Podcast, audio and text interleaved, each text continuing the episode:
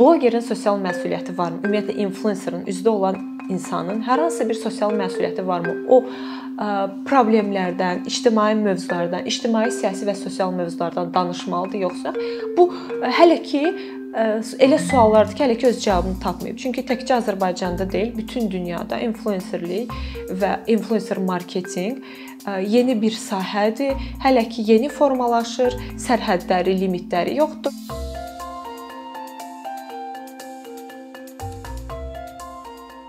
Artıq 2 il yarımdır bloqerliklə məşğulam. 1 ildən çoxdur tamamilə bu sahədəyəm. Əlavə işdən ayrılmışam daimi işimdən və qazanc olaraq da bu sahədə təbii ki, qazanıram. Bloqerlik Azərbaycanda eləcə də dünyada yeni sahədir. Hələ tamamilə formalaşmayıb. Hələ ki sərhədləri bəlli deyil keyfiyyətli kontent yaratmaq, keyfiyyətli iş ortaya qoymaq üçün ortalama olaraq gündə 6 saat vaxtım gedir. Təbii ki, bu insana insana fərqlənir. Elə insanlar var daha çox enerji sərf eləyirlər buna.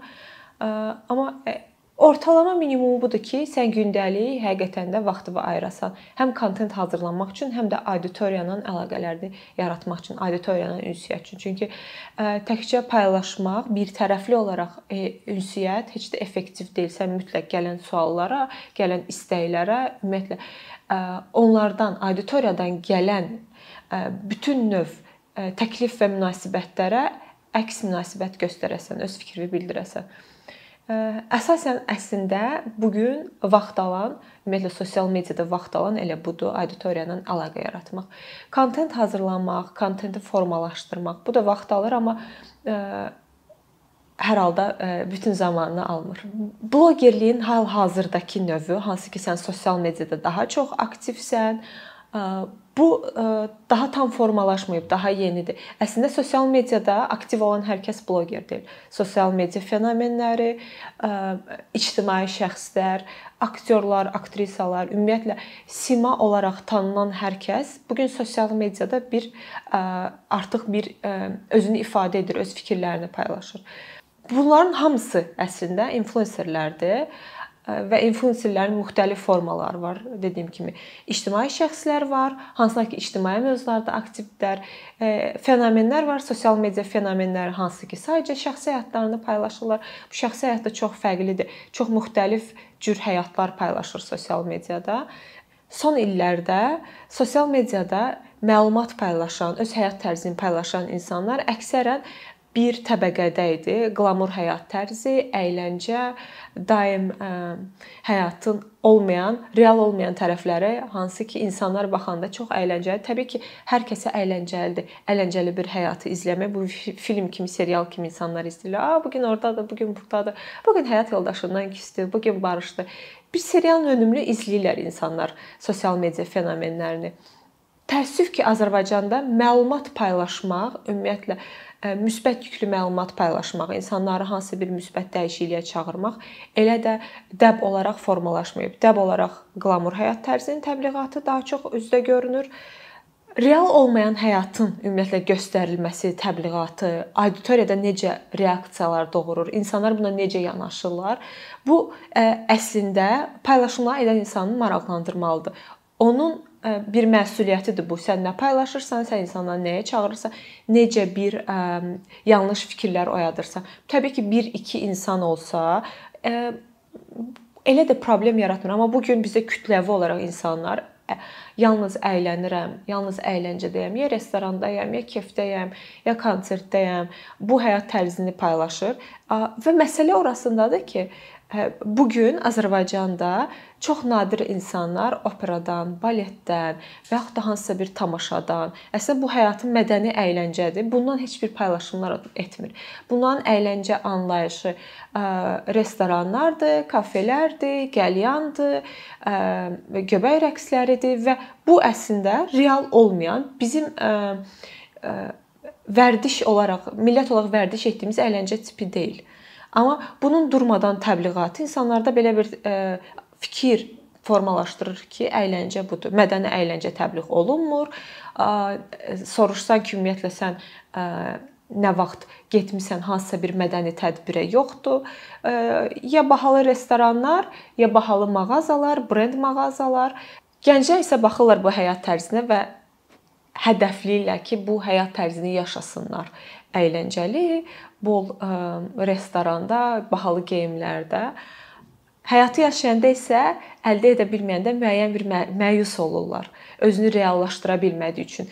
Əslində özünü reallaşdırmaq həmin o tələblərə cavab vermək deyil, amma ümumi bir ə, anlayış formalaşıb ki, yaxşı həyat tərzi sürmək budur mənəvi dəyərlər, mənəvi ehtiyacların qarşılanması bu ümumiyyətlə hələ ki müzakirə olunmur. Müzakirə olunmasa da insanların daxilində bu ehtiyac var. Onlar əslində özlərini mənəvi olaraq reallaşdırmaq istəyirlər.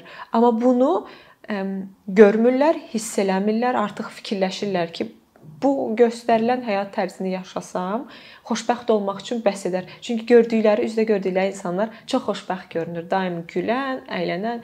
Amma məsələ budur ki, dünyada bunun real olmadığı təbliğatı çox sürətli şəkildə gedir. Göstərilir ki, sosial mediadan görünən əslində bu real deyil.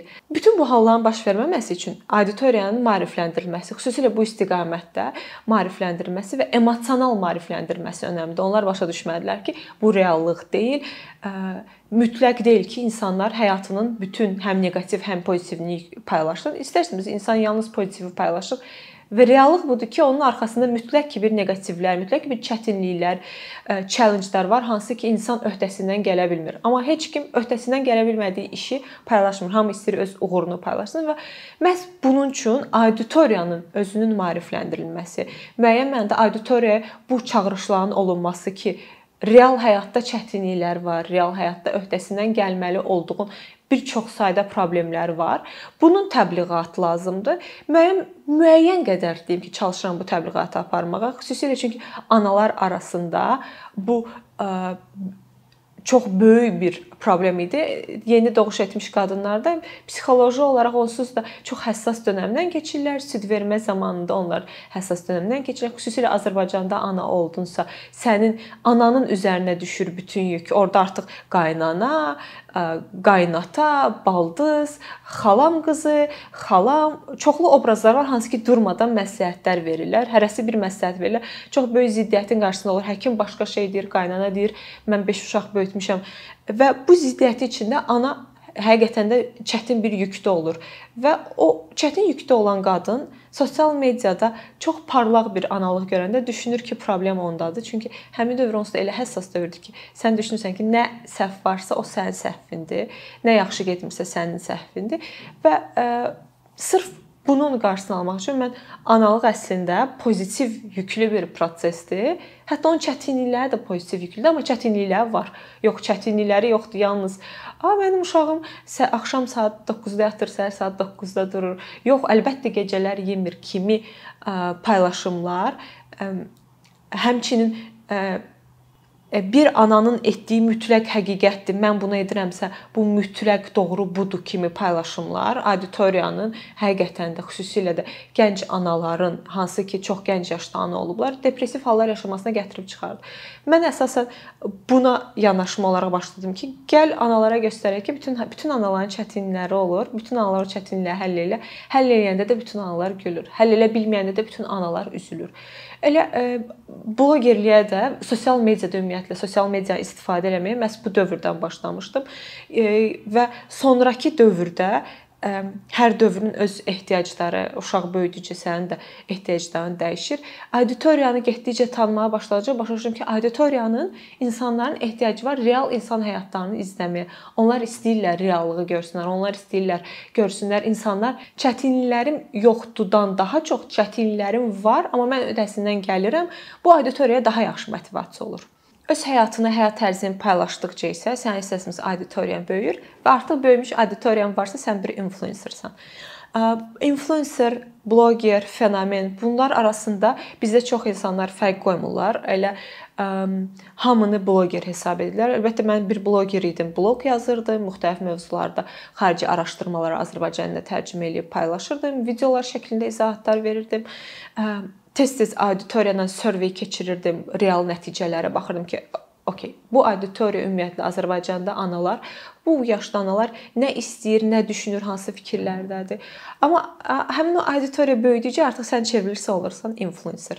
Influencersənsə Azərbaycanda olan influencer marketinqin bir qolu olursan. Əvvəlcədən ki marketinq təcrübəm var idi, bilirdim ki, işlər necə gedir reklam təcrübəm, PR təcrübəm var idi.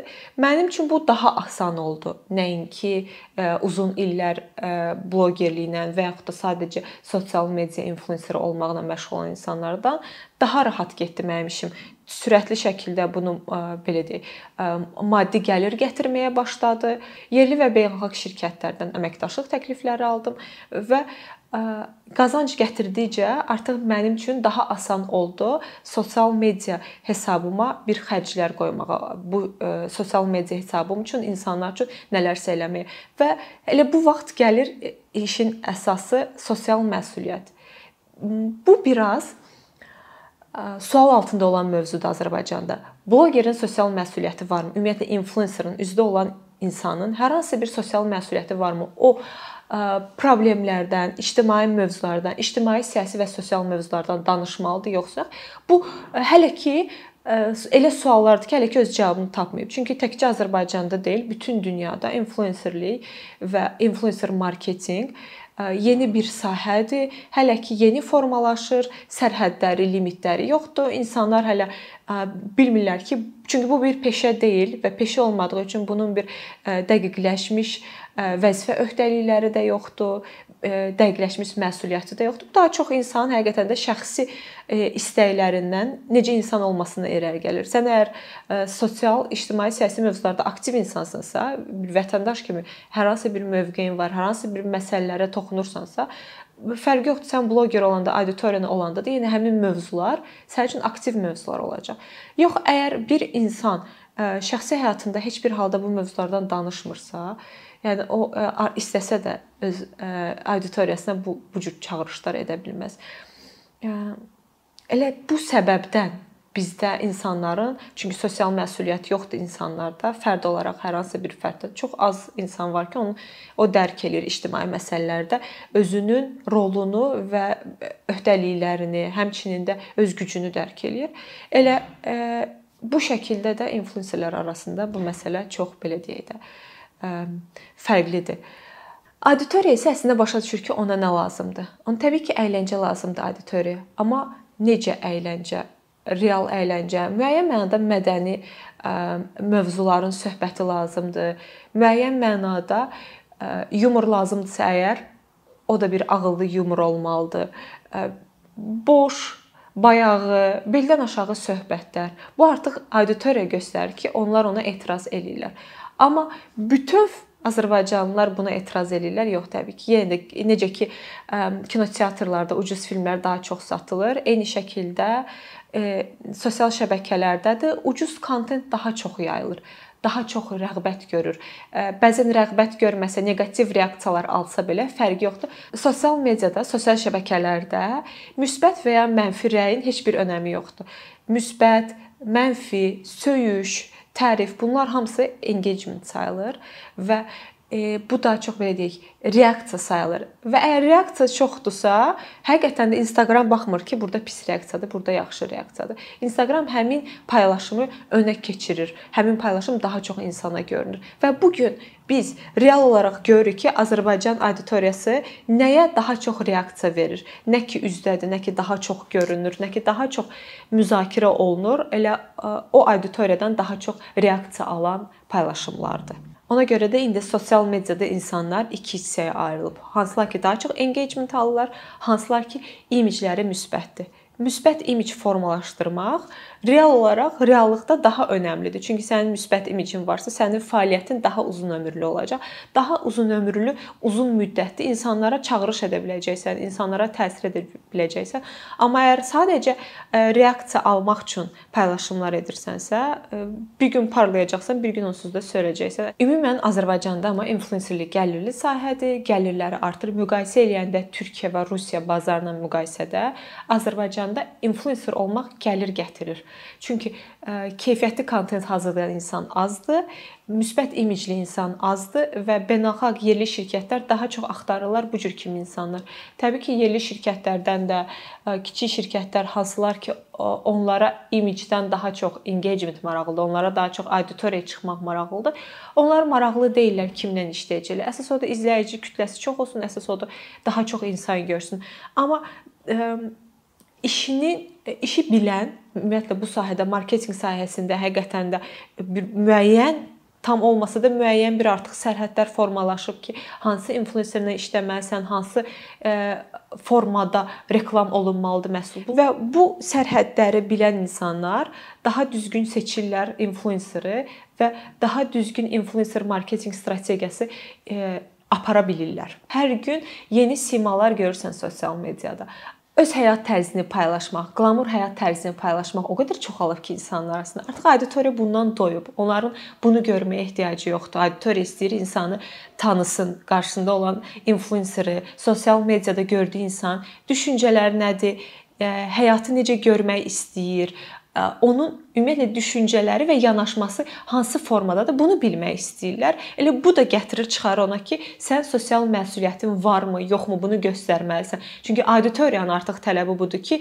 insanlar geyim, restoran, əyləncə, ümumiyyətlə maddi məsələlərdən keçsinlər, o süzgəcdən artıq keçsinlər, növbəti mərhələdə nə var, onu görsünlər. Növbəti mərhələdə isə odur ki, sən sosial məsuliyyətin nədir, necə insansan, ictimai fiqur olaraq ictimaiyyətdə hansı yeri tutursan və bu cəmiyyətə nə töhfə verə bilərsən. Elə bütün bunları nəzərə alıb deyə bilərəm ki, bu gün influencerin sosial məsuliyyəti olmalıdır. Influencer öz sosial məsuliyyətini dərk etməlidir.